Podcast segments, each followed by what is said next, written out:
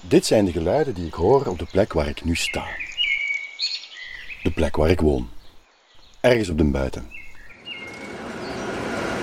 Dit was het vertrouwde geluid dat ik hoorde op de plek waar ik vroeger woonde. Hartje Borgerhout. Soms mis ik ze wel eens, die geluiden. Ik mis de geur en ik mis de flarden van 101 talen die je hoort bij een wandeling over de Turnhoutse baan. Voor mij blijft Borgerhout vooral een carousel vol goede bedoelingen. Een bonte mengelmoes van mensen die er allemaal gewoon het beste van willen maken. Maar ook een plek met scherpe kantjes. Met ergernissen als Ze moeten zich beter aanpassen, hè? Ze komen naar hier om te profiteren. Ja, als ze de taal niet willen leren, is het toch een eigen schuld. Er zijn er ook goed tussen, hè. Ik heb me daar in het verleden te pletter aan gestoord aan dat soort opmerkingen. En dat doe ik ergens nog wel. Maar wat ik wel heb leren inzien is, is dat het niet uit de monden van domme of slechte mensen hoeft te komen. Als die al bestaan. Meer nog, dat ik zelf ook geen heilige ben als het op stereotyp denken neerkomt. Ik wilde heel graag iets doen met het soort stereotyp denken, waarop ik mezelf dus soms ook wel eens betrap. En daarom maakte ik een reeks portretten van mensen over heel het land Stuk voor stuk lieve mensen die vanuit de ziel antwoorden kunnen geven. Of zelfs een antwoord zijn op de vragen en gedachten die ik ook wel eens heb. Met heel veel dank aan Atlas. Mag ik eens even iets vragen? Jullie zijn een koppel? Ja, ja. Getrouwd, ja. ja. Mijn vraag is een beetje complex wel. Oei. Betrap je jezelf soms op racistische of subtiel racistische gedachten? Moet ik nadenken. Eh, ik af en toe, ja. En op welke manier is het dan? Ja, qua, qua manieren. Dus ja, van eh, culturele verschillen dan. En, en dat uitzicht dan in eh, manieren. En dat vind ik, ja, dan denk ik daar te racistisch over na, denk ik. Ik vind het wel heel eerlijk, dank u. En uw man ook? Ik niet, nee. Maar dat discussiëren we soms eens over, ja. Ja? Ja, wel. Ja. Ja, ja, ja, ja. Over dat onderwerp dan, ja, ja. Ja, hij houdt mij op het rechte pad, ja. ja. En mijn kinderen vooral ook. Ja, ja, ja. Hebben jullie wel eens van die gedachten? Gedachten. Hoogstwaarschijnlijk wel. Het zijn gedachten, hè. Ja, ik probeer aan een voorbeeld te denken van. Ik ben met mezelf aan het denken van. Betrapte u zelf daarop?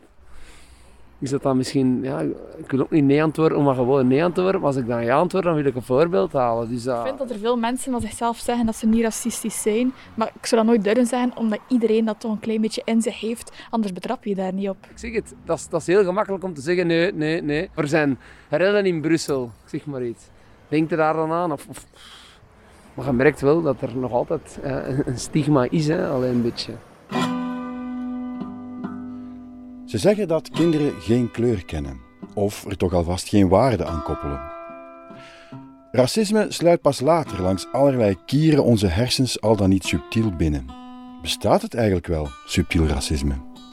En zijn we überhaupt slechte mensen omdat we die gedachten nu eenmaal soms hebben?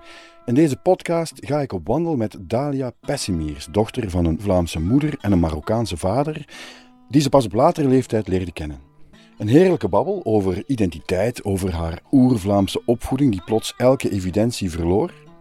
En over dat zogenaamd subtiel racisme dat permanent om de hoek ligt te loeren. En dan vooral, hoe daarmee om te gaan. Hallo Dalia, hoe is het nu? Ça va? Ja, Wat is hier uh, vertrouwde omgeving voor u? ja, absoluut. Ja, ik ben een, ik ben een parkenmens. Hè.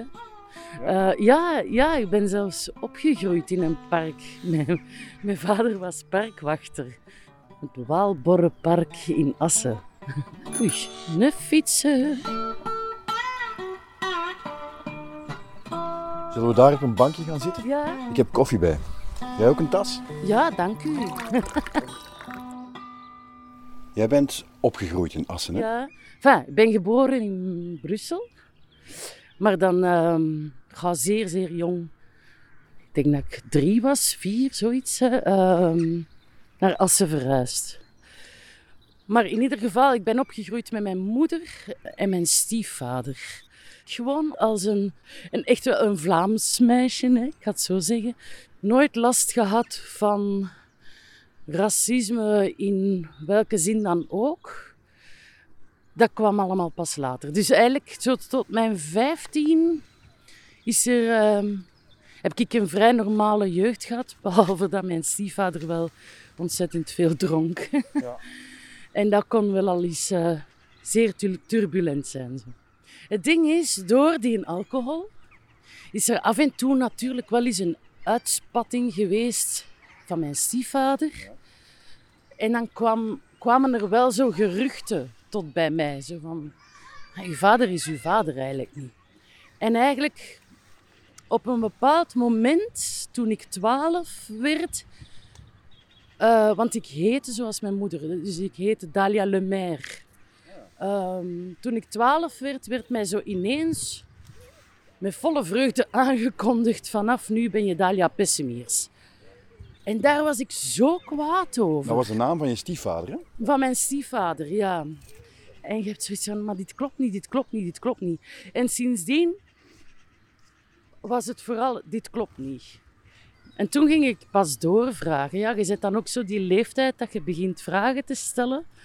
Wie ben ik en, en wat wil ik? En, ehm, en dan is mij een tijd gezegd van... Goh, hoe zat het nu? Van, nou, uw papa was een Italiaan. Nee, uw papa was een Spanjaard. Dus dat, maar die, dat klopte dan allemaal niet. En waarom werd het dan niet gewoon gezegd? Jouw, jouw vader is Marokkaan? Ja, heel veel van mijn tantes en onkels en, en, enzovoort enzoverder hebben nu nog steeds zo echt die Vlaams belangslag. Eh, Ja? ja, ja, ja. Dus daar, dat was ook een gewoonte eh, aan tafel. En ik was dat ook zeer gewoon. Als er op elk familiefeest zo wat gelachen wordt met de Marokkanen en de, en de negers en de, en de tjoeken en de... Ik ben ook zo opgevoed van, je moet, als je in Brussel bent, al de knoppetjes van een auto dicht doen en eh, de sacoche aan de mama, haar hand, nog extra beveiligen.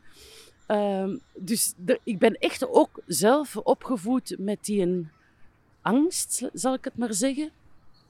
Angst, oordeel over, ehm, over de Marokkanen in, in het bijzonder. Hè? En de, ja, zwarte mensen, goh, ja, die, die waren er wel, maar daar was niet zo... Er werd wel eens neger gezegd en, en die dingen. Niet dat ik dat nu ehm, te min doe, hè. integendeel. Ik droomde wel heel vaak scenario's. En dus die droombeelden, ehm, dat je als kind hebt van, "Goh, mijn vader, ja, dat was een, Mex- een Mexicaan. Of, eh, en die heeft dat meegemaakt en dat meegemaakt. Of, Toen je het ontdekte, wie je vader was, waar hij vandaan kwam, hoe, hoe voelde dat dan voor jou? dat was bijna ook, omdat je zo bent opgevoed, bijna ook in het begin een soort van... Dat is een Marokkaan, man. Dat is zo ongeveer het ergste, omdat dat heel je opvoeding is. Daarna heeft zich dat helemaal gekeerd. Hè. Dan wilde alles weten. Ik denk dat ik boeken heb gelezen, maar boeken heb gelezen, cassettes heb geluisterd, ben naar Marokko getrokken. Meer dan eens, hè, ook op een eentje. En zo... Ik, ik herinner me de eerste keer dat ik zo in Marokko aankwam, ben ik beginnen huilen in dat vliegtuig. Maar echt beginnen huilen van, ah ja, ja, ik kom van hier. Ja, maar jouw vader, jouw biologische vader, die woonde in Brussel, hè? niet in Marokko. Eh, ik denk dat hij rond zijn achttiende of zo al eh, gemigreerd is naar, eh, naar Brussel, ja. Toen dat ik zo 16, 17, 18, ja, die periode toch, ben ik wel redelijk bewust op zoek gegaan en vragen gesteld enzovoort enzoverder. En dan, ehm, ja, dan heb ik hem ontmoet. En dat is eigenlijk elke keer opnieuw precies een zoektocht geweest. Dus ik heb hem zo door de jaren heen elke keer precies terug moeten gaan zoeken. Maar hij werd wel een deel van jouw leven dan. Ja, ik heb zo momenten meegemaakt dat ik echt zo bij mijn vader couscous was gaan eten. En dan, daar kreeg ik dan zo een djellaba aan en een hoofddoek. En ik was eigenlijk super trots om dat te dragen. En dan eh, vlug, vlug vandaar wap, naar mijn moeder en mijn familie. Die zaten te eten, balkjes in tomatensaus.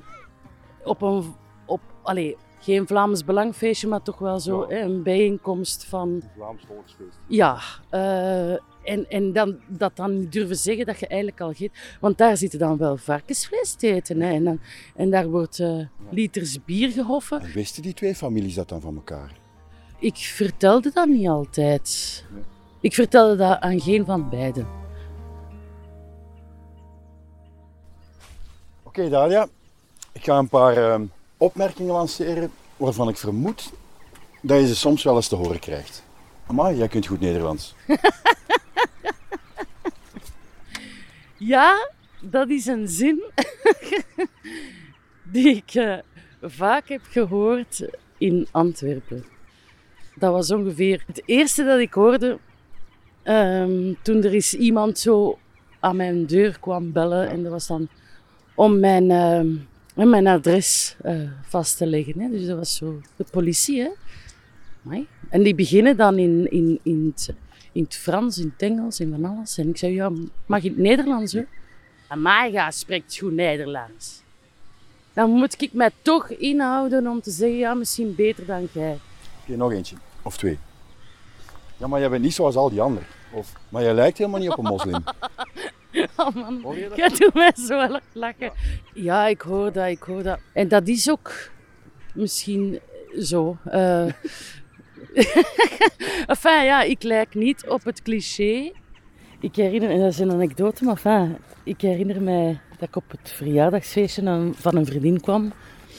Eh, en die stelde mij voor. Dat is een van mijn beste vriendinnen. En dat is een half Marokkaanse tof om zo voorgesteld te worden. Want dat half, daar heb ik het al niet mee. Maar bon, dat was goed bedoeld. Gelijk heel veel dingen goed bedoeld zijn. Je gaat zitten, maar er zat iemand aan tafel. Er zaten meerdere mensen aan tafel.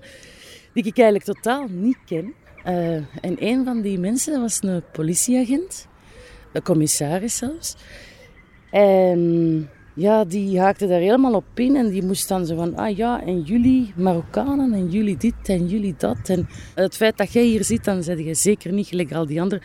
En je hebt een goede opvoeding gehad als je een Vlaamse moeder hebt gehad. En eh, ik ben daar een gesprek mee aangegaan waar dat hij al zijn frustraties heeft geuit. En dat bleef, dat bleef duren. En er zijn heel veel mensen opgestapt, maar ik ben er blijven mee praten. En die man, dat is die, diezelfde commissaris, die komt nog steeds kijken nu naar elke voorstelling. Want ik denk echt wel dat het ook aan iedereen is om dat gesprek dan aan te gaan of zo. Maar ja, het, het kost moeite, hè. Ik heb onlangs nog zo met een aantal zestigers, eh, die hadden het over... En nu woont er hier eh, een, eh, een negerin boven ons, zeg. Maar op een fijn bedoelde manier van... Allee, we hebben hier nu eens... een Exotisch volk, ja. exotisch volk over de vloer. En ik zo heel voorzichtig ook van... "Ga, weet je, ik zou dat toch maar niet zo benoemen, negerin. Ja, maar we hebben dat altijd zo gezegd. En eh, ja, en, maar op den duur, en dat zeiden die mensen, op den duur hebben wij een woordenboek nodig om, vooraleer dat we onze mond mogen open doen. Eigenlijk, Dalia, stereotyp denken, in meer of mindere mate. We doen het allemaal wel een beetje, hè? Natuurlijk, daar ben ik van overtuigd, maar racisme gaat over ras. Stereotypering, dat hebben wij, dat hebben wij echt. Enfin, ik, ik ken echt geen enkele mens die dat niet heeft. En ik zelf ook, hè. Maar ik, ik, ik ga er ook echt vanuit dat mensen geen slechte bedoelingen hebben. Er is wel iets, dat heb ik van Omar Ba geleerd. Ehm, Omar Ba is echt een activist. Hè? En die vertelde mij eens van, ga, als je aan het strijden bent tegen iets, dan raakt je uitgeput. Als je aan het strijden bent voor iets, dan blijft je activistisch interessant. Oké, daar klinken we op. Ja. School Dalia, een dikke merci.